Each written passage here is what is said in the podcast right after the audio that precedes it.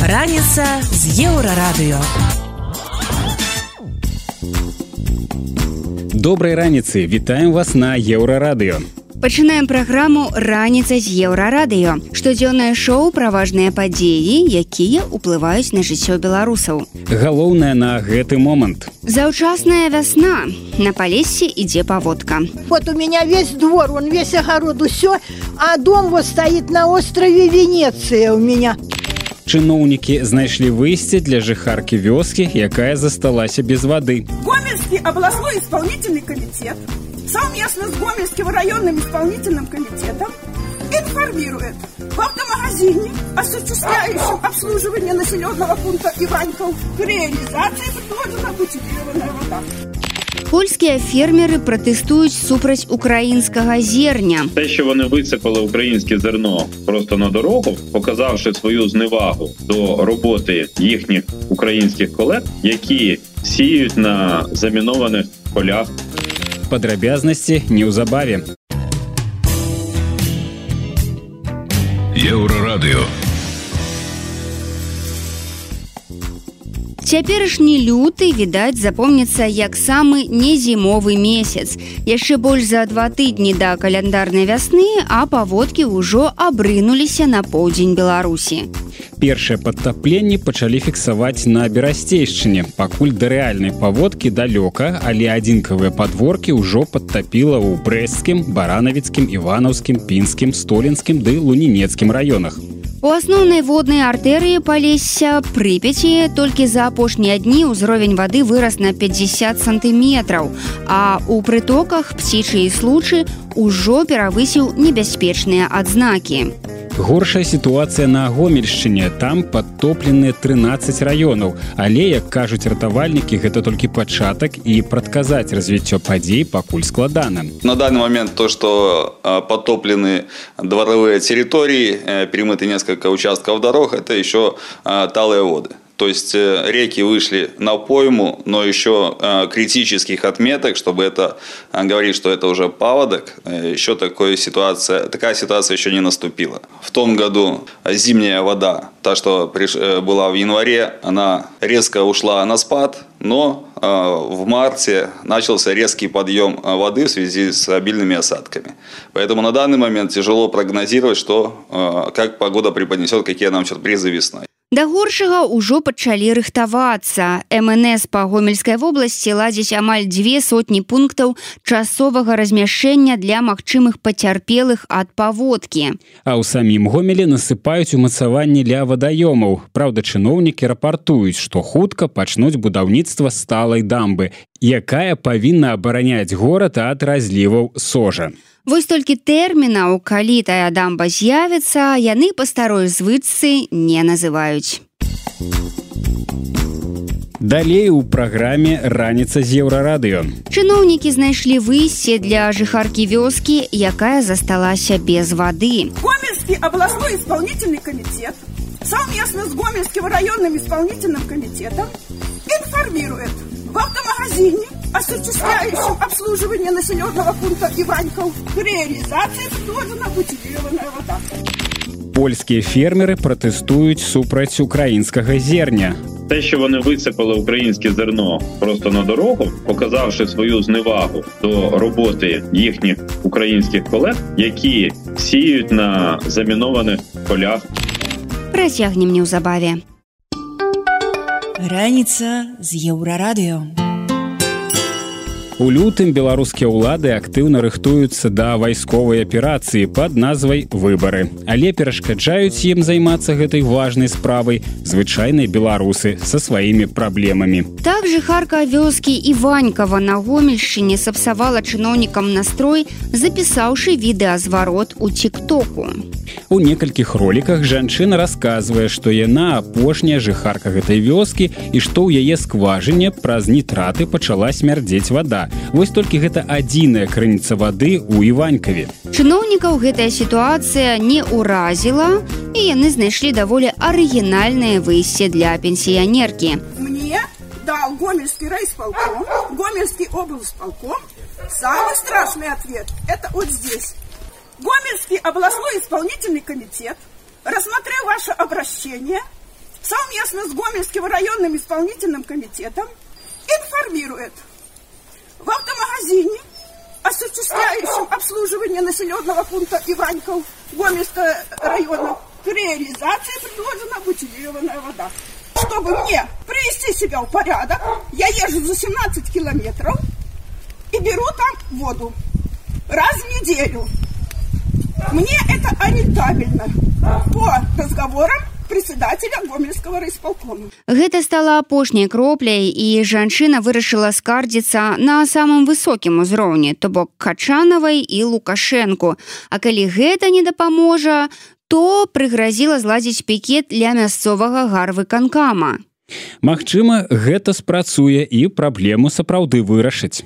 А магчыма, не спрацуе. Пікет палічаць несанкцыянаванай акцыяй і кінуць чалавека ў турму, бо як вядома, няма чалавека, няма праблем. Далей у праграме раніца з еўрарадыё. Польскія фермеры пратэстуюць супраць украінскага зерня. Те, що вони висипали українське зерно просто на дорогу, показавши свою зневагу до роботи їхніх українських колег, які сіють на замінованих полях. Працягнем неўзабаве. Еўрарадыё. Еўрарадыё. Пакуль лукашэнкаўская Беларусь актыўна рыхтуецца да выбараў і марыць пра пасяўную, на захадзе бунтуюць фермеры. Хваля такіх выступаў пракацілася па Еўропе, а цяпер дайшла і да Польшчы. Праўда, там прычыны трошкі іншыя, чым, напрыклад, у Бельгіі ці Францыі. Што патрабуюць польскія фермеры і прычым тут Украіна. Гэта ў эфіры еўрарадыо абмеркавалі наш рэдактар зміцер Лукашук і украінскі палітолог Яўген Магда.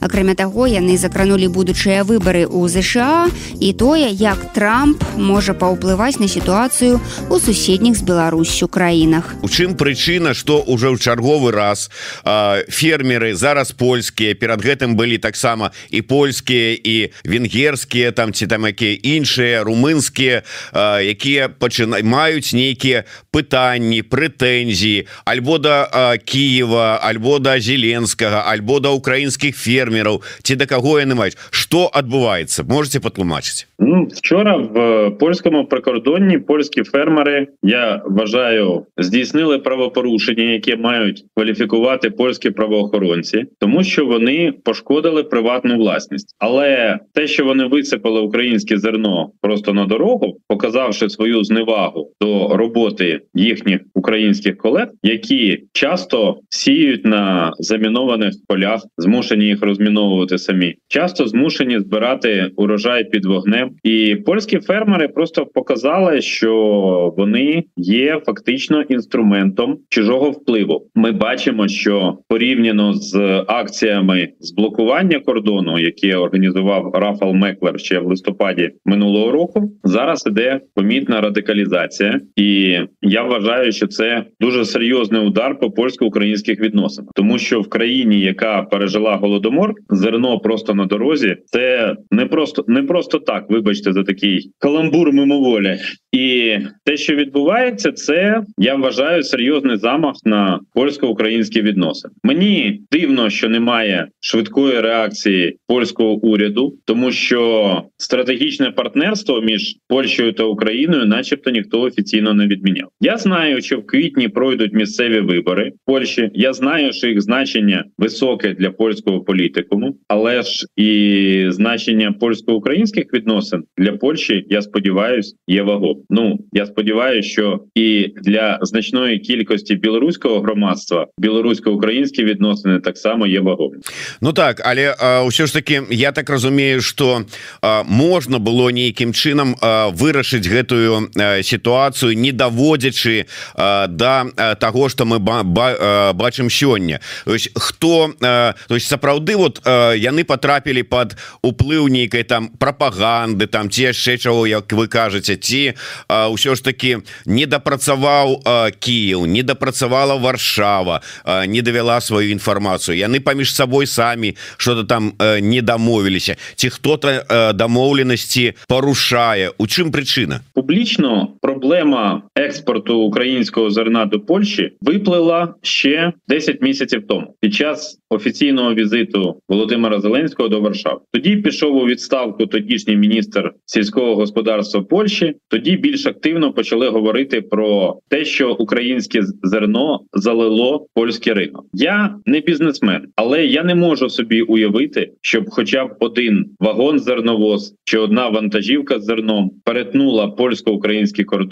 не знаючи, де вона буде розвантажена. Тобто, це все було організовано по обидва боки, тобто польським і українським бізнесом. Давати цьому оцінки на сьогоднішній момент. Ну давайте будемо якось намагатися це робити. Але я хочу нагадати, що існує ембарго польського уряду на ввезення українського зерна. Тобто, це зерно, яке вчора висипали під дорогуском, воно не могло потрапити на польський млин. Воно швидше за все їхало в порт, Балтійський порт, і тому ми зараз вивозимо і чорноморськими портами, тому що сили оборони зуміли відсунути російський чорноморський флот і забезпечити функціонування морського коридору з вивезення зерна. Але в 22-му році цей коридор існував і в першій половині 23-го, звичайно, набагато більш проблем. Тому ну проблем звичайно вистачає, але це не привід. Ну ми ж, е, якщо не подобається мені якась передача Єврорадіо, я ж не викидаю смартфон чи ноутбук, на якому дивлюсь, правда? Тому відповідно, ну я спадзяюся, що не тільки не викидаєш смартфон чи ноутбук, але і нема таких передач Єврорада, які тобі не подобаються. А яны хаця можа быць пэўныя крытычныя ёсць Евген калі уже закранули міжнародную тэматыку давай звернемся яшчэ да ЗША да выбораў якія там плануюцца распачаліся уже выбарчая кампанія. І да пагрозы того ну там пагроза не пагроза верагоднасць того что прэзідэнтам ЗША можа стаць Дональд Туск. Адны эксперты Ой Дональд Трамп да выбачаюся. Читаю просто каментары про Туска і сікорскага і ну, ведаеш помылкам но тым не менш Трамп. Адныя эксперты кажуць что нічога страшнага не будзе. Трамп чтоб ён там не гаварыў ён не можа узяць і э, змяніць рэзка э, знешнепалітычную лінію і гэтак далей гэтак далей. Але я слухаю недаўнішнія вось апошнія выступ выступ заяву Трампа дзе яму прыгадалі колішнія э, размовы про тое что вот бараніў бы ён краіну НАТО якая не ўсе вы зрабіла выплаты да бюджэту вот это самага НАТО. І ён тады сказаў что да я яшчэ Россию наадварот бы под бухтороваў каб яны рабілі что хочуць с такими вот неплательшчыкамі і зараз ён паўтарыў гэтыя свае словы сам іх прыгадаў ці не сведчанне гэта сапраўды того что чакаць от Трампа і НАТО самому і Європі і Україні е, шмат не доводиться. Нам треба дивитися на те, як відбуваються вибори в Сполучених Штатах, і розуміти, що те, що відбувається в виборчій кампанії, і те, що буде відбуватися після її завершення, це все таки різні речі. Трамп відомий своїми ексцентричними заявами. Він любить і вміє робити гострі заяви, але сказати однозначно, що все, що він пообіцяв, воно буде втілене життя в разі його обрання, я все таки не став, тому що ну це по перше нереалістично. По-друге, я не думаю, що це можливо, і все таки досвід перебування Трампа на посаді в 16-20 роках він свідчить, що там були зовсім інші речі, і зовсім іншою була поведінка. Тому я розумію, в якому сенсі, хоча мені важко розуміти цю логіку, коли він до себе підтягнув. Ну тому що він б'є. Мені важко це розуміти, тому що він б'є по інтересах України, але він привертає до себе увагу. Чому тому, що він може бути позбавленим можливості бути включеним до бюлетенів в низки штатів, і відповідно його позиції кандидата в президенти послабляться. І зараз Трамп намагається максимально до себе привертати увагу, максимально набирати очки, максимально, якщо хочете, помітити свій електорат і сказати: ось ось ті люди, з якими я буду йти на вибори, ось ті з ким я буду відповідно е, працювати в чиїх інтересах. І коли ми говоримо про ситуацію в американському конгресі, де в палаті представників республіканці займають певну позицію, ну фактично торпедуючи ініціативи, спрямовані на підтримку України, то це пов'язано рівно з тим, що на початку листопада відбудуться не лише президентські вибори, а й вибори до палати представників і члени республіканської партії сьогодні вбачають, що локомотивом партії в контексті президентської кампанії і виборчої кампанії по країні буде саме Дональд Трамп. Ну а цяпер пра адносіны дэмакратычных сілаў Беларусі і украінскіх уладаў пра тое што можа паўплываць на кантакты афіцыйнага Киева і офіса ціхановскай працягваюць зміцер лукашук і Яўген Магда умоўна кажучы калі сахашчык фоткаецца з залужным а ціхановская с парашэнкам зяленка зяленская гэта злуе ён крыўдзіцца Ну коли Порошенко фоткається з Тихановською, то звичайно навряд чи це подобається офісу Зеленського. Це зрозуміло. Але е, зараз ну залужний фотографувався з коли він командував збройними силами. У нас минулого тижня змінився командувач збройними силами. Тому я думаю, що такої гострої реакції немає. Насправді подібні реакції вони не є показником якоїсь політичної зрілості. Вони швидше є показником дитячих поглядів на політику. І мені б хотілося, щоб їх було менше. Мені б хотілося, щоб в наших двосторонніх відносинах ми стояли на певних рейках того, що нам потрібно робити. От ми маємо пам'ятати про те, що без демократичної Білорусі немає безпечної Європи, без незалежної України немає незалежної Білорусі, і в цій системі координат ми маємо відповідним чином діяти. Якщо ми можемо діяти, тоді це буде для всіх нас користь. Україна сьогодні має сильнішу позицію. Я ще наприкінці 2022 року говорив, що шановні, давайте ми будемо говорити про те, що Україна має робити перший крок на зустріч. З цим поки що не складається. Але якщо ми будемо порівнювати з попередніми місяцями, то все таки ну в 23-му році з попередніми роками, в 23-му році цей діалог якось пожвавився. Більше людей вирішили сфотографуватися з подаляком. Більше е, представників білоруської білоруських демократичних сил. І Це безумовно плюс.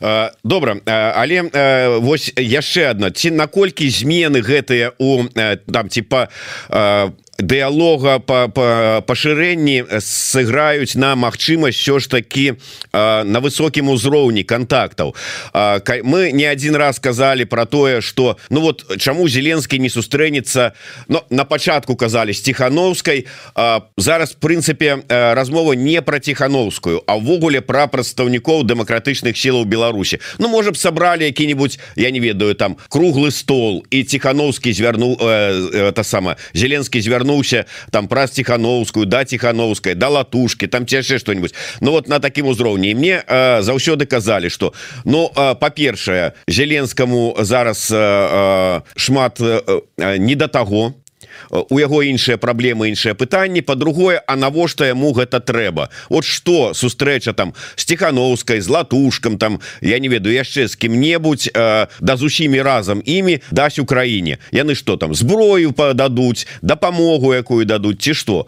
э, то есть вот ситуация і на сёння таким же чынам выглядае. Без э, магчымасці прадастаўлення конкретнай дапамогі без того каб умоўны там латушка прыехаў вот тут у яго папка з документами э, наконт э, злачынства лукашэнкаўскага режима э, с датычна украінскіх дзяцей а под гэтай мышкой хаймерс і тады зеленскі зім сустрэнецца Е, Я думаю, що не буде такої зустрічі, тому що можливості білоруських демократичних сил питанні отримання зброї обмежені. Але якщо ми говоримо про військо, то якби військовослужбовець полку Калиновського став би те, що називається посада офіцером зв'язку у польсько-українсько-литовській бригаді, яка базується в Любліні, тобто позначив би своє представництво, і відповідним чином це стало б відомо, то це був би непоганий крок. Це був би крок, який показував би, що країни, які входять до Люблінського трикутника, вони зацікавлені в створення нових білоруських збройних сил, які не будуть спиратися на радянську спадщину.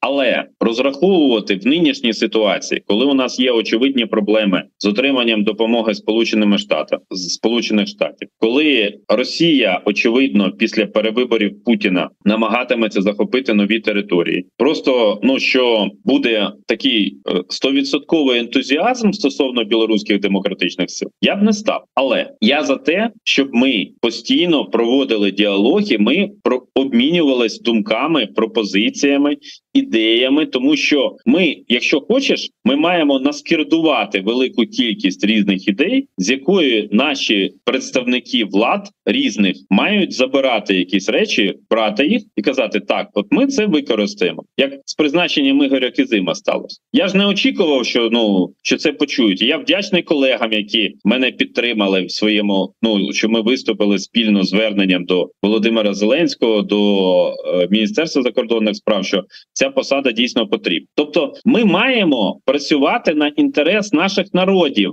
а не інтерес окремо взятої персони. Це дуже просто. Ну це і називається захист національних інтересів. Гэта былі рэдактор еўрарадыё зміцер лукашук і украінскі палітолог Яўген Магда. Яны абмеркавалі сітуацыю з украінскім зернем у Польшчы, а таксама пагаварылі пра тое, як унутрыпалітычныя разборкі ўкраінскіх палітыкаў уплываюць на адносіны з дэмакратычнымі сіламі Беларусі. Далей у праграме раніца з еўрарадыё. Дазвол вайскоўцам страляць па мірных пратэстоўцах. Ці гарантуе гэта выжыванне рэжыму? Ці зможа Лукашенко кантраляваць гэта, ці не выпускае ён джына з бутэлькі? На Берастейшчыне успышка адру. И более 80% всех заболевших, они не привиты против кори. Пра гэта больш падрабязна бліжэйшым часам.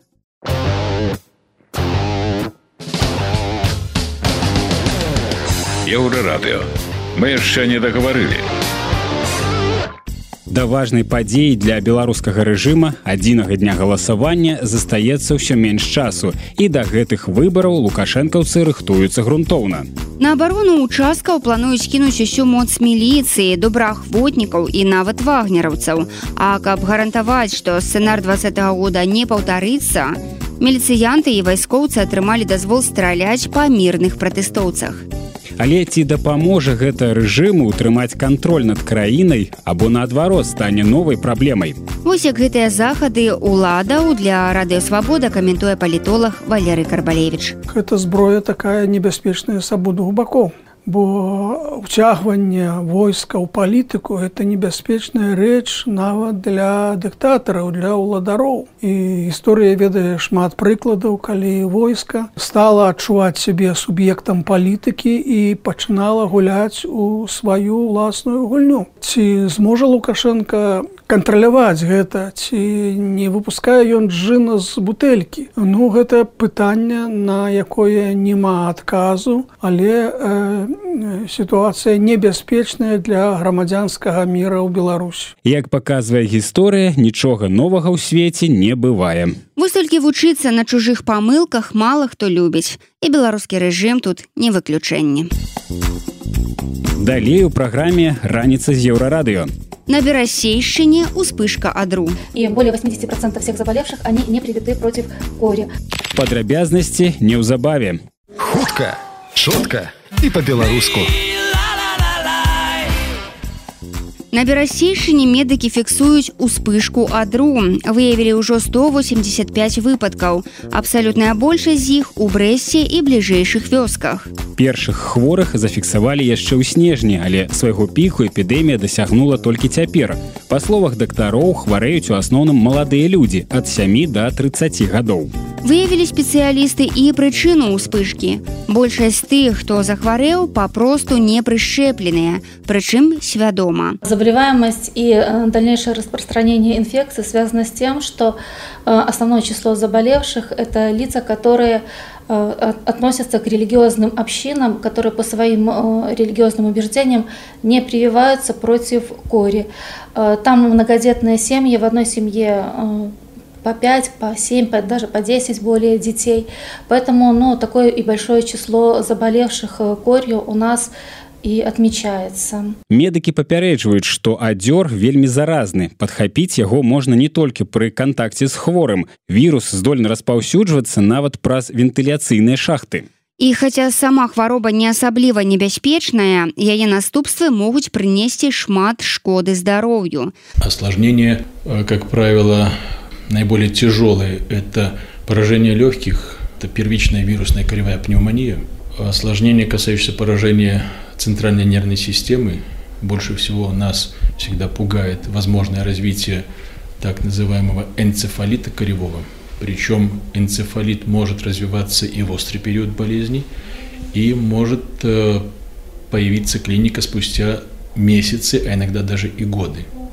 Это тяжелое течение заболевания, которое очень часто приводит к інвалідізацыі пацыентов самы надзейны спосаб засцерагчыся ад адру вакцынацыя. Дактары раяць не грэбаваць гэтым і абавязкова рабіць прышчэпку. Нават калі вас не прышчапілі ў дзяцінстве зрабіць гэта можна і ў сталым узросце. Але медыкі прызнаюць што вакцына не дае стосоткавай абароны таму не варта забывацца і на элементарныя метады мыццё рук і нашэнне масак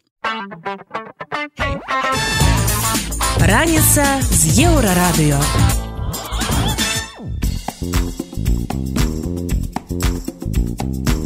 Вяртаемся на еўрарадыё і працягваем ранішні эфір. Вы па-ранейшаму слухаеце раніцу з еўрарадыё. Інфармацыйнае шоу пра важныя падзеі, якімі жывуць беларусы і іншы свет. І вось што цікавага мы распавядзем далей. Чаму растуць кошты на лекі і паслугі ЖКГ? По качеству будет хуже, а по ценам будет дороже. Ці знікне беларуская мова з ужытку праз палітыку лукашэнкі. Значная частка нашага грамадства лічыць беларускую мову роднай, а таксама больш не ўспрымае яе як прыкмету вёскі. Якім будзе сумесны прапагандысцкі медыяхолдынг Беларусі і рассіі? Якая саюзная дзяржава, такія і СМі. Пра гэта ды іншае больш падрабязна цягам бліжэйшай гадзіны.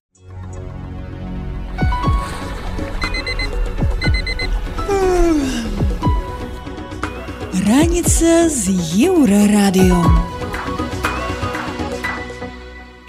Сітуацыя з дзяржаўнай сістэмай аховы здароўя пагаршаецца з кожным днём. Не ратуе нават прызначэнне новага кіраўніка мінздароўя Хаджаева, які павінен ачысціць галіну ад кланавага прынцыпу працы. Поспехаў у выкарчоўванні сямейных медыцынскіх дынастый з дзяржсістэмы медыцыны пакуль не бачна, але назіраецца адчувальны дэфіцыт лекаў і рост коштаў на іх. Праблемы з адсутнасцю медыкаментаў ўжо адчуваюць у розных кропках краіны. Ці чакае беларусаў жорсткі дэфіцыт замежных лекаў у хуткім часе. Сітуацыю выданню Маланка каментуе эканаміст Ярослав Романчук. Лекарства, как и высокотехнологические товары, услуги, это роскошь, которую получает страна, когда она интегрируется с теми центрами, где эти самые лекарства и товары производятся. Беларусь понятное дело, находится в, под санкциями, Беларусь соагрессор, поэтому такого доступа к современным лекарствам, современным технологиям она не имеет. Это ее выбор, выбор руководства Беларуси, и поэтому с каждым годом качество лекарств, качество товаров, которые доступны белорусам, будут снижаться, сокращаться. Мы переходим в режим, там, знаете, советской медицины, там, фармацевтики. Не жили хорошо, но не надо начинать. И одна таблетка от головы, другая таблетка с такого же станка, там есть такого же замеса от желудка, вот и вперед. То есть, когда тут есть лекарственные препараты, которые там рак, Альцгеймера, лечат, какие-то совершенно прорывные вещи, связанные там с использованиями биотехнологических достижений. В Беларуси все э, находится на уровне аспирин, э, валерьянка, и другие какие-то подручные вещи. Так что э, количество критически важных вещей, значит, лекарственных препаратов, которые могли бы спасать жизнь, да, их будет меньше, они будут не такие доступные, соответственно, количество смертей из-за этого будет увеличиваться. Качество лечения, обслуживания пациентов тоже будет снижаться, поскольку тоже вопрос будет того, что, знаете, для особо приближенных в лечкомиссиях эти лекарства, понятное дело, будут. Они будут дефицитные, они будут э, редкие, они будут очень дорогие, потому что будут поставлять их, вы знаете, там через какие-то третьи руки. А для обыкновенного человека опять мы э, приближаемся или там уже возвращаемся в эру подорожника, в эру э, растения лечения, в веру того, что лучше не болеть, потому что, как говорят э, специалисты, 75% э, здоровья – это образ жизни. Поэтому, друзья, не пейте, не курите, занимайтесь спортом, не травите себя разными дисгастами, и поэтому и тогда вероятность того, что вам понадобится несуществующая помощь от государственной вертикальной медицины, будет минимальной. Беларусь – это там, следующее колено логистики, это раз. А во-вторых, знаете, если можно заработать, э, если ты монополист или там один из э, олигополия, то есть таких компаний, поставляющих определенные лекарства мало, э, ты либо покупай, либо сдыхай. Вот такая альтернатива. Поэтому тут, э, конечно же, имеет место вот, такое, вот такие безобразные цены, значит, практики, связанные с ценообразованием, поскольку иностранные компании работать не могут и не хотят. Вот с тем же Нордиском хороший пример. Э, других э, простых э, предпринимателей частной компании на этот рынок тоже не пускают, потому что мы имеем дело с фармацевтической медицинской мафией, которую Лукашенко так сказал, и он да, совершенно данной ситуации сам ее создал и сам ее контролирует, сам ее э, финансирует и все прочее. Поэтому, да, мы в этом сегменте рынка тоже находимся во власти вот этой мафиозных э, медико-фармацевтических кланов, которые хотят сегодня продают за 100, завтра будут продавать за тысячу. И ты не, вот их точно ты к ответу не привезешь. Этот Март, который там ловит предпринимателей, блок на рынке. А вот по поводу вот этой медицинско-фармацевтической мафии, он будет скромно потупить глаза и все. И плюс еще увеличится, знаете, количество, вот, где делают подделки, генерики. Индия, Китай. Вот оттуда тоже будет идти. И там это тоже э, накрутки огромные, потому что, ну вот, э, они в данной ситуации, э, есть там современные рынки, где заботятся о потребителе, а есть те, которые глотают вот эти генерики. Ну, глотайте. Для э, особо приближенных ЗАО «Семья», вот даже в рознице никогда не было проблем с ценообразованием. Я помню, когда там ввели там определенные там 2010 по-моему, там, в начале ограничений на все розницы, но отдельные, приближенные к, э, значит, к администрации президента или там, к ЗАУ семья торговой сети делали, что хотели, потому что их никто не мог проверять, а если даже проверяли, то размер штрафов ни в какое сравнение не шел с той выручкой, которую они получали. То же самое здесь.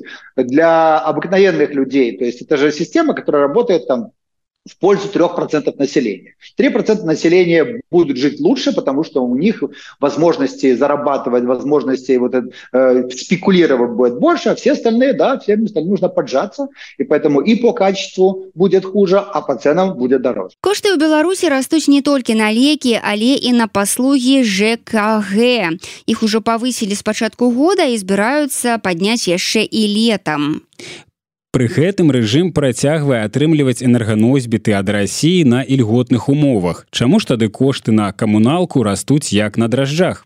Политэкономию режима Лукашенки тлумачить экономистка Алиса Рыжиченко. Повышение тарифов в Беларуси происходит на постоянной основе, и это связано с тем, что белорусское правительство стремится привести оплату за коммунальные услуги к стопроцентному возмещению со стороны населения.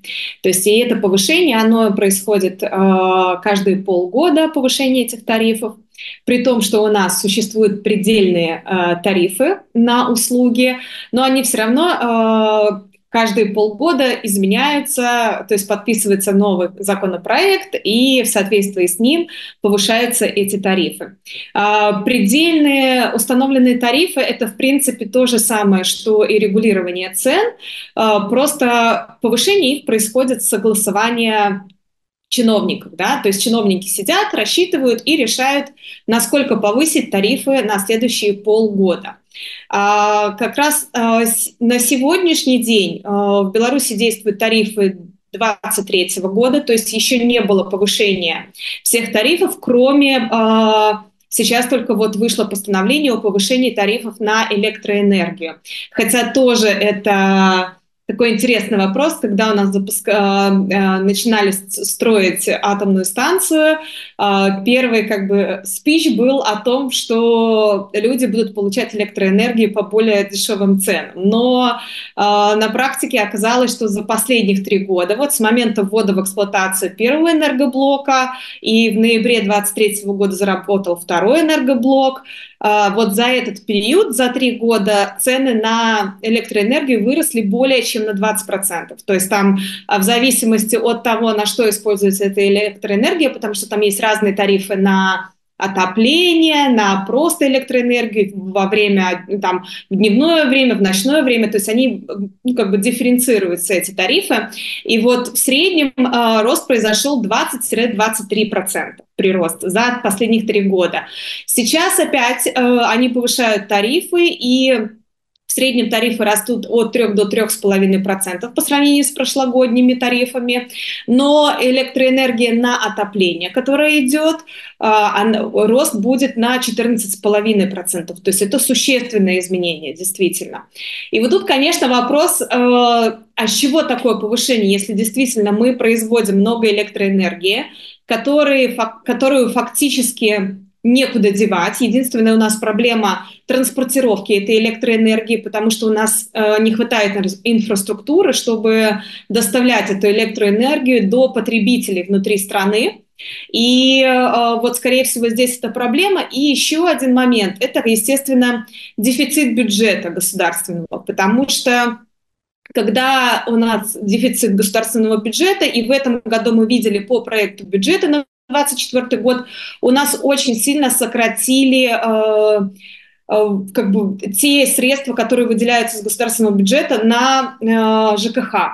То есть, соответственно, ЖКХ должны содержать себя сами на очень э, сокращенный бюджет. И, соответственно, правительство будет предпринимать различные меры для того, чтобы бюджет ЖКХ все-таки каким-то образом пополнять, потому что никто не отменял законы, капитальные ремонты нужно проводить, хотя они там внесли тоже много изменений, что люди теперь обязаны за свои деньги какую-то часть капитального ремонта проводить. Вот. И конечно, это все идет к тому, что с людей будут брать все больше и больше. И вот эти вот сказки о том, что давайте мы возьмем кредит у России, построим электростанцию, вы будете платить меньше, фактически оказывается просто э, полнейшим враньем. Мало того, что на нас теперь висит огромный кредит в размере 10 миллиардов, так, э, который как бы разделяется на всех граждан Беларуси, так еще и тарифы мы платим по завышенных тарифах. И причем эти тарифы увеличиваются даже не как в Европе. То есть если мы в Европе наблюдали в связи с э, войной там, и экономическим кризисом, который связан с этими военными действиями, повышение тарифов там, э, в моменте на газ там, в 4 раза, в 5 раз были, но они все равно отпустились, эти тарифы, и пошли назад цены. И, соответственно, сейчас в среднем прирост, то есть инфляционный прирост по тарифам коммунальным а, в Европе там не более 15%. В Беларуси же мы видим совершенно другую ситуацию. Хотя Беларусь получает по дешевой цене газ, Беларусь сама производит э, в избытке электроэнергию, мы все равно платим по более высоким тарифам, чем... Э, ну, мы, не сравниваем тарифы в суммах да, в Европе и в Беларуси. Но вот этот прирост, он у нас происходит намного масштабнее и быстрее, чем в европейских странах, э, несмотря на то, что в европейских странах кризис намного более сложный с энергоресурсами, чем в Беларуси. Тарифы будут расти и дальше. Никто их не будет замораживать ни перед выборами, ни перед какими-то митингами или еще чем-то. А, мы знаем, что выборы у нас происходят нелегитимным способом в Беларуси, и власти, в принципе, не будут стремиться к тому, чтобы как-то как это сказать, склонить э, население на свою сторону. То есть им буквальным образом плевать, и все равно, что думает о них население, сколько они платят денег за, по этим коммунальным тарифам. И власть будет придерживаться только одной линии, максимально быстро и эффективно пополнить государственный бюджет. Поэтому будут увеличиваться налоги, тарифы, штрафы, все возможное, что можно вытянуть из населения, будет э, применено, скажем так в отношении населения. З нами былі эканамісты Аліса Рыжыченко і Ярослаў Романчук. Эксперты распавялі, чаму растуць кошты на паслугі ЖКГ і замежныя лекі і як гэта адбіваецца на ўзроўні жыцця беларусаў. Далей у праграме раніца з еўрарадыё. Ці знікне беларуская мова з ужытку праз палітыку лукашэнкі. Значная частка нашага грамадства лічыць беларускую мову роднай, а таксама больш не ўспрымае яе як прыкмету вёскі. Якім будзе сумесны прапагандысцкі медыяхолдынг Беларусі і рассіі. Якая саюзная дзяржава, такія і сМ. Працягнем пасля навінаў спорту.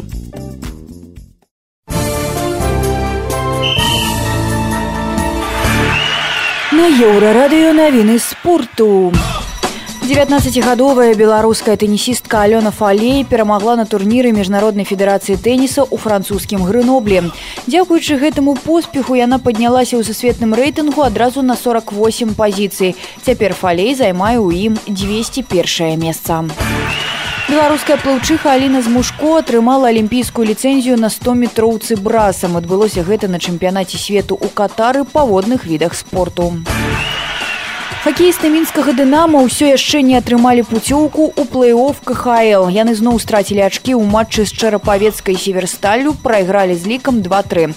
Каб нарэшце вырашыць пытанне з гарантаваным восьмым месцам у заходняй канферэнцыі ў аўторак дынамаўцам трэба не прайграць у асноўны час у гасцях віцязю. Футбольны кубак афрыканскіх нацый выйграла зборная кот дывуара. У фінале яна абыграла футбалістаў Нігерыі 2-1.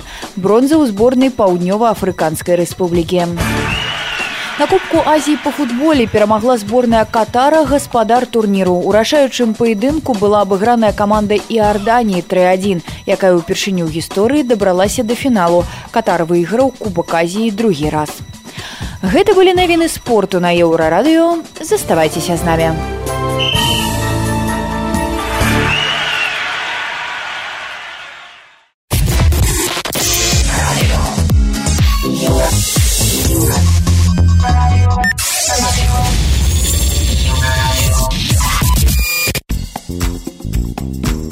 Моўнае пытанне адно з самых траўматычных для нашага грамадства. Будучыня беларускай мовы якая ў незалежнай беларусі за 30 гадоў так і не атрымала належнага імпульсу для распаўсюду і выкарыстання застаецца цьмянай Яе статус адчувальна пагоршыўся пасля 2020 года і распачатых рэпрэсій.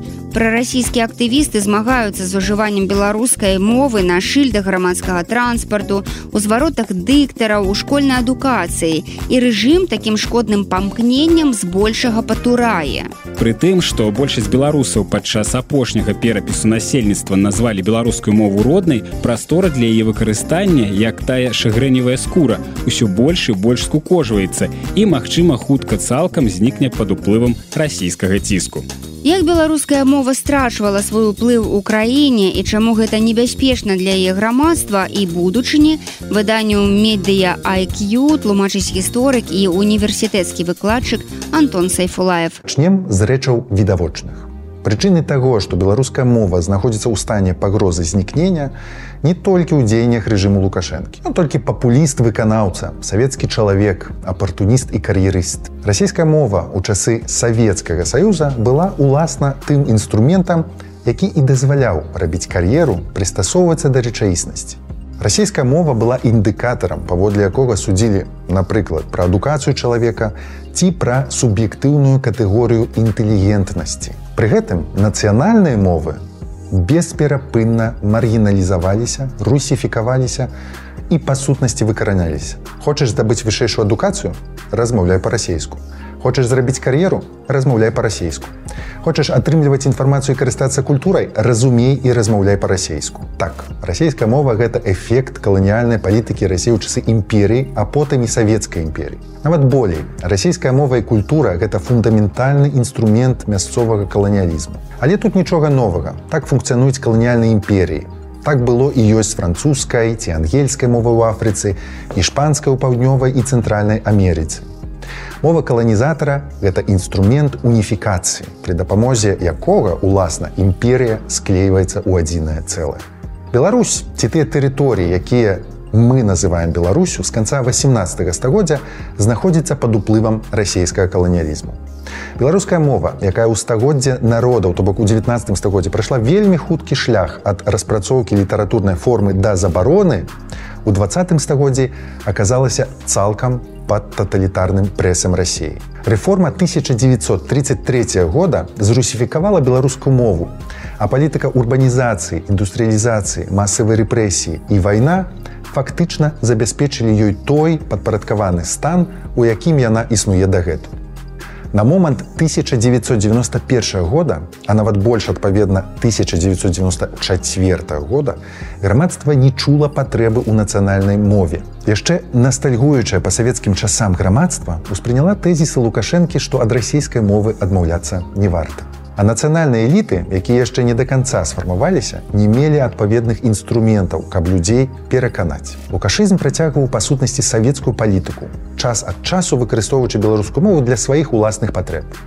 Напрыклад, каб абараніцца ад імперскіх амбіцый Масквы. Паважаныя сябры, беларусы заўсёды па-асабліваму ставяцца да людзей, якія ўмеюць ствараць нешта незвычайнае, што радуе вока і сагравае душу. Прычын грэблівага стаўлення рэжыму да роднай мовы роўна дзве. Першае савецкае выхаванне лукашэнкі, які лічыць сябе прадстаўніком савецкага грамадства, дзе галоўнай была і заставалася да самага канца развала імперыі руская мова.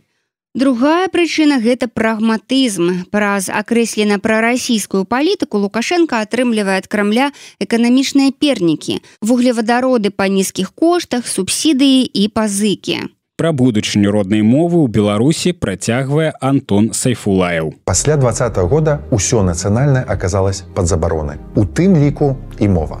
Зразумела, што без цэнтралізаванай дзяржаўнай рэканструкцыі моўнай палітыкі грамадства не будзе зацікаўлена ў тым, каб самастойна гэтым займацца. У тым сэнсе, што без адукацыі, дзіцячай дарослай, нацыянальнай і перакладной літаратуры, дубляжу кіно, беларускамоўных СМ, поп-культуры грамадства ніколі не пачне размаўляць па-беларуску. Беларуская мова ўнутры Беларусі стала тытульнай, але не выкарыстоўваецца як вербальны сродак. Але тут цікавы момант. Паводле перапісу 2019 года з амаль 8 мільёнаў жыхароў краіны, якія лічаць сябе беларусамі і беларускамі, крыху менш за 5 мільёнаў назвалі беларускую мову роднай і амаль два з паловай мільёны сказалі, што ўжываюць яе кожны дзень. Але сустрэць на вуліцах чалавека, які размаўляе па-беларуску даволі цяжка прасцей за мяжой. Дык пра што сведчаць гэтыя лічбы? Адказ скрыецца ў тым, што цягам апошніх 30 гадоў пасля распаду ССР беларуская мова сталася элементам нацыянальнай свядомасці, нягледзячы на тое, што людзі ёй не карыстаюцца кожны дзень. Ведаеце ж гэтую фразу: не размаўляю, бо не умею, але люблю калі нехта размаўляе або не хачу каверкаць мову.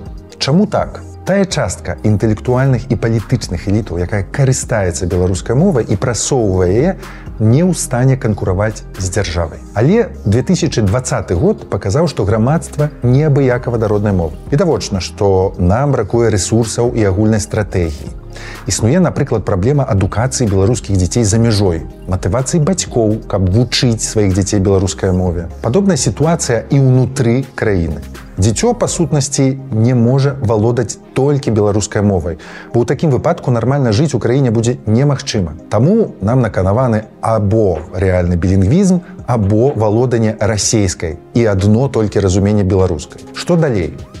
значная частка нашага грамадства лічыць беларускую мову роднай а таксама больш не ўспрымае яе як прыкмету вёскі наадварот сёння здольнасць размаўляць па-беларуску ў палітыцы ці медыа ўсё часцей ідэнтыфікуецца з еўрапейскім выбарам грамадства. Цікавай хоць і спрэчнай стратэгіі можна лічыць легалізацыю трасянкі. Іншымі словамі калі не хапае лексічнага запасу ці не атрымліваецца размаўляць по-беларуску адразу на літаратурным узроўню просто замяняйте незнаёмыя беларускія словы расійскімі альбо вымаўляйте іх нібыта по-беларуску вядома гэта стратэгія не назаўсёды але так людзям у якіх беларуская пакуль толькі у пасіўным запасе будзе лягчэй пачаць на ёй размаўляць відавочна што выпрацаванне стратэгіі пераходу альбо пашырэнне ўжытку беларускай мовы гэта справа лінгвістаў і мовазнаўцаў. Нам жа застаецца разумець рэальную сітуацыю з мовай, якой яна ёсць зараз і крок па кроку яе змяняць. Мы слухали Антона Сайфулаева, гісторыка і універсітэцкага выкладчыка. Ён распавёў, чаму беларуская мова была і застаецца ў заняпадзе ў Беларусі і якая роля ў гэтым рэжыма лукашэнкі і нашага грамадства. Далей у праграме раніца з еўрарадыё. Якім будзе сумесны прапагандысцкі медыяхолдынг Беларусі і рассіі. Якая саюзная дзяржава, такія і смі. Працягнем пасля навінаў шоу-бізу. Шоу-біз.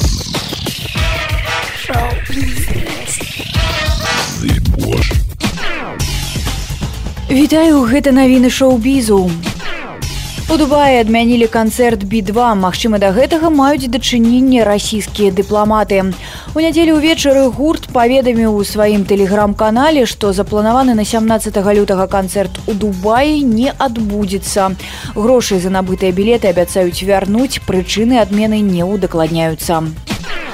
Кампанія Marvel прадставіла на YouTube першы трэйлер будучай карціны пад назвай Дэдпул 3. Двуххвіліны ролик паказвае найміта Уэйда Уилсона выкананні Райана Рэйнальдса. З першых кадраў становіцца зразумела, што знакамітага героя ў чырвона-чорным касцюме заклікае на службу ўпраўлення часовымі зменамі, аб працы якога было падрабязна расказана ў серыяле Локі. Гледача чакаюць гумар, экшн і знакамітыя твары. 11 лютага ў ЗША адбылася цырымонія ўручэння ўзнагарод гільды рэжысёраў, якая лічыцца не менш прэстыжнай за прэмію амерыканскай кінаакадэміі. Галоўны трафей атрымаў стваральнік біяграфічнай драмы Апенгеймер Крыстафер Нолан. Сярод яго канкурэнтаў была Грэта Гэрвік, якая зняла барбі. Крыстафер Нолан і да гэтага лічыўся асноўным прэтэндэнтам на Оскар 2024 у адпаведнай намінацыі. Зараз наяўнасць у яго залатой статуэткі практычна прадвызначана. Гэта былі навіны шоу-бізу, заставайцеся на хвалях еўрарадыё.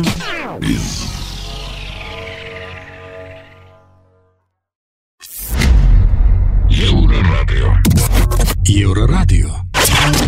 Ужо чацвёрты год Лукашенко і Пуін пагражаюць аб'яднаць свае прапагандысцкія СМі ў адзінае цэлае. На іх месцы павінен з'явіцца так званы медыяхолдынг саюзнай дзяржавы. Гучыць унушальна, але далей за словы справа ўсё ніяк не ідзе. Бачна, што бакі не могуць дамовіцца, як вось гэтая прапагандысцкая махіна мусіць выглядаць. Прапанову па стварэнні медыяхолдынгу ўпершыню агучыў Лукашенко ў лістападзе 21 года, а працу над ім даручылі былому расійскаму амбасадару, а цяпер дзяржсакратару так званай саюзнай дзяржавы мезенцаву. Ён абяцаў выканаць працу да канца 22 года, але слова не стрымаў. Як развіваецца эпапея са стварэннем агульнага прапагандысцкага медыяхолдынгу Беларусі і рассіі на YouTube-канале радыё Свабода распавядае журналіст Дмітрый Гурневіч.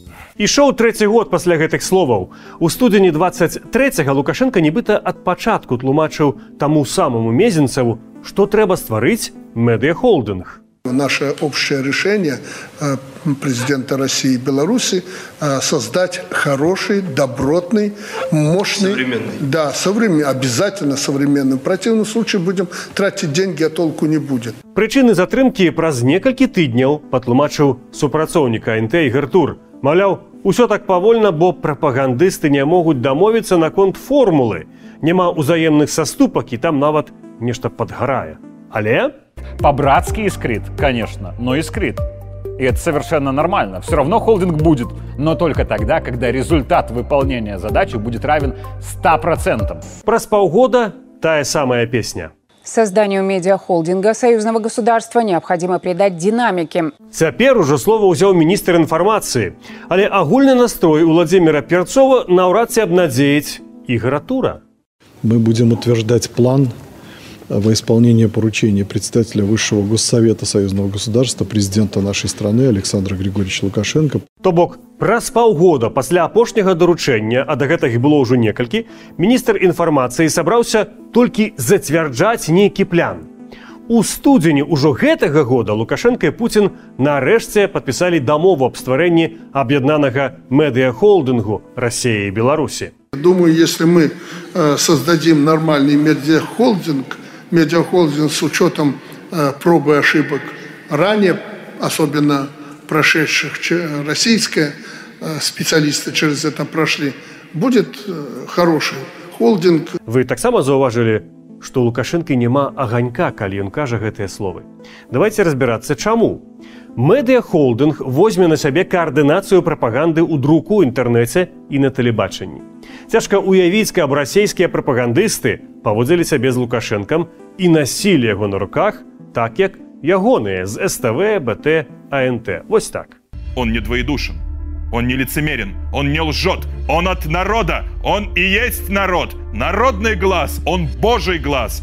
Але што з сябе ўяўляюць СМі так званай саюзнай дзяржавы, з якіх плануюць зляпіць той самы медыахолдынг. Некалькі газет, онлайн-часопісаў і тэлеканал, якія ў большасці не чытаюць і не глядзяць звычайныя людзі, бо нармальнай інфармацыі там няма. Адзін сумны афіцыёз.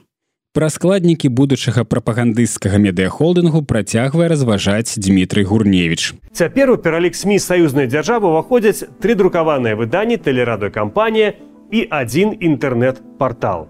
Калі створаць медыахолдынг, то бок ужо цяпер, то ад чагосьці збіраюцца адмовіцца, але пакуль не кажуць ад чаго. Давайте зірнем, што гэта ўвогуле такое. Саюзная веча гэта штотыднёвая газета парламенцкага сходу саюзнай дзяржавы. Ну як газета. Вы не знойдзеце ані на паліцах як асобнае выданне. Справа ў тым, што у Беларусі яна распаўсюджваюць у якасці бясплатнага дадатку да народнай газеты, што на яе старонках суцэльны афіцыёз сустрэч чыноўнікаў вось тут цэлая старонка з бюрократычнымі цытатамі спікераў андрэйчанкі валодзіна гартаем далей там не лепш ізноў цытаты з выступаў розных прадстаўнікоў так званай саюзнай дзяржавы асобнае прывітанне дызайнеру дызайн вяртае чытача на 20 год назад у маладосць так вайну намагаецца падаць са знакам плюс рэдакцыя спрабуе быць сучаснай вясёлай. Вось амерыканец Джеф Монсон баец ММА, які жыве ва ўфе і выступае за рассею у форме дзеда мароза. Але гэтая вокладка абурыла прапагандыста прыдыбайлу. Ён там хацеў убачыць лукашэнку і Пуціна. Конец года. Наши президенты вот буквально только что встретились. Было много событий в течение года, и на обложке, я понимаю, это там традиция некая, была у, этого, у этой газеты, там Джефф Монсон, у него прозвище Снеговик, он гражданин России. И, ну, ну какое отношение, на мой взгляд, к, итоговой, к итоговому выпуску? Это раз. Ну и много таких вопросов. Есть у Союзного веча и свой YouTube, чего вартое видео про самого тлустого собаку Нефтеюганска. Чтоб я так жил, говорят жители Нефтеюганска при виде этого пса. Дворняга прибилась к местному супермаркету, где работают, видимо, собачьи ангелы-хранители. Люди так раскормили песеля, что он стал похож на мохнатую бочку. Ветеринар в интернете выражает опасения за состояние его здоровья и настоятельно советует посадить обжору на диету. У беларусі наклад выдання складае 14 з паловую тысяч калі верыць інфармацыі на апошняй старонцы. А ўлічваючы што сама народная газета ўжо паўмёртвае выданне з ведомасным падпіскай дык выхлап ад саюзнага веча можна дзяліць у некалькі разоў. Яшчэ адну укладку раз у тыдзень дадаюць да савецкай беларусі. Я называюць што тыднёвай газетай саюз Беларусь Росія выданнем савета міністраў саюзнай дзяржавы Там чатыры старонкі і па сутнасці яна мала чым адрозніваецца ад папярэдняй. Большасць месца займае афіцыёз, нейкія пляны палёту космас і абяцанні, што калі трэба, то ўзляцець у космас можа і беларускі аўтобус у Сібіры. Але дызайн выдання больш мінімалістычны. Праўда, наклад большы, раз у тыдзень па 140 тысяч укладак. Раз у месяц выходзіць часопіс саюзная дзяржава. Усе нумары ёсць у сеціве. Вы можете самі ацаніць і знайсці адрозненне з папярэднімі выданнямі. Усё пра бясконцыя сустрэчы бюракрату так званай саюзнай дзяржавы, якія хваляцца, што выканана 90 процентаў саюзных праграм. Такім аптымістам яшчэ летась даў наганяй і гартур. З рэзультатам у часопісе так сабе. Ільвіная доля публікацый гэта проста інфармацыя прэс-службаў розных дзяржаўных органаў, а то і проста ўзятыя з іншых прапагандысцкіх сМ артыкулы. Або, напрыклад, сухі пералік, каго павіншавалі, з кім сустракаліся Лукашенко і Пузін у мінулым месяцы. Таму тут у Канстанціна прыдыбайла пытанне ўзнікнуць не павінна. Лукашенко і Пуін паўсюль. Наклад гэтага часопіса 15 тысяч асобнікаў. Галоўная рэдактарка выдання Елена Аўчаренко кажа пра выданне так. Он очень позитивный и дружелюбный. Надеемся, что наш журнал дает людям пищу для ума, создает хорошее настроение. Про гэта дбае целая телерадокомпания союзной державы «Белрос». Вот так. В союзном государстве наблюдается рост патриотизма. Наш ответ русофобным настроением. Прямо сейчас.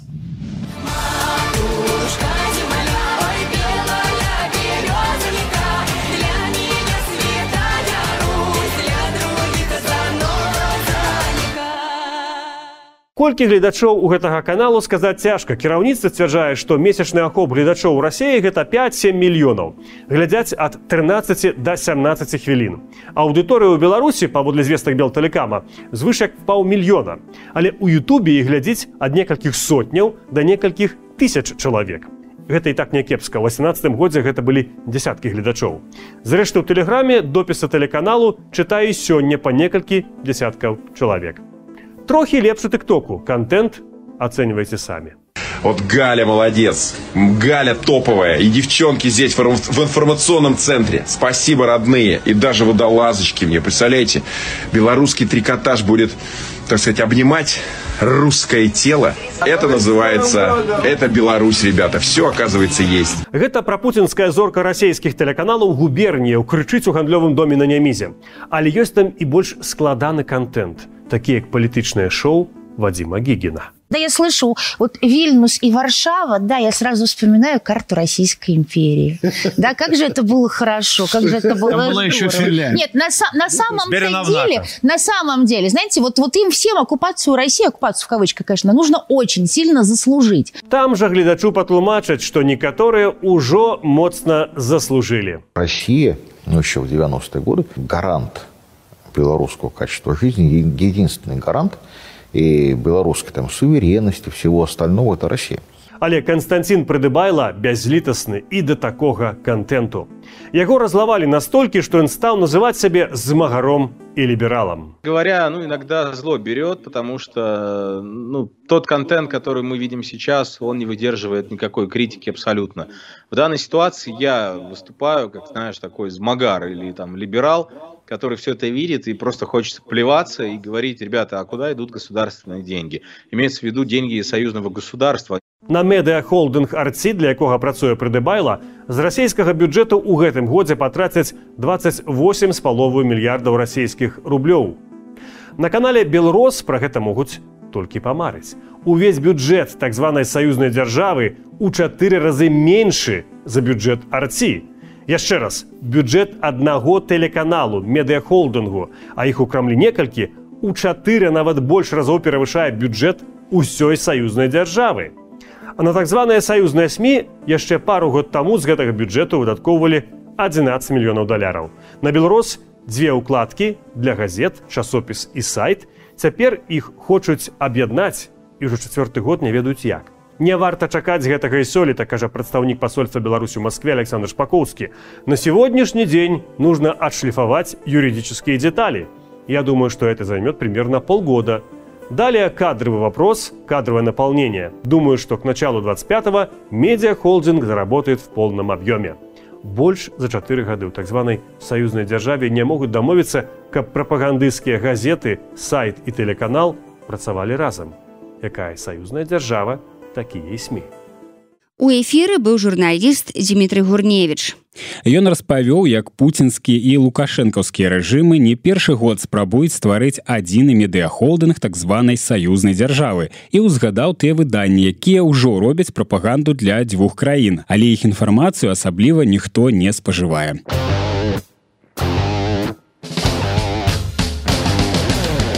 Еўрарадыё. Мы яшчэ не дагаварылі. Гэта былі самыя важныя навіны і сэнсы раніцы з еўрарадыё. Заўтра ранкам мы зноў распавядзем вам пра галоўнае, што адбываецца ў краіне і свеце. Сустракаемся ў той жа час у тым жа месцы. Беражыце сябе. Пачуемся.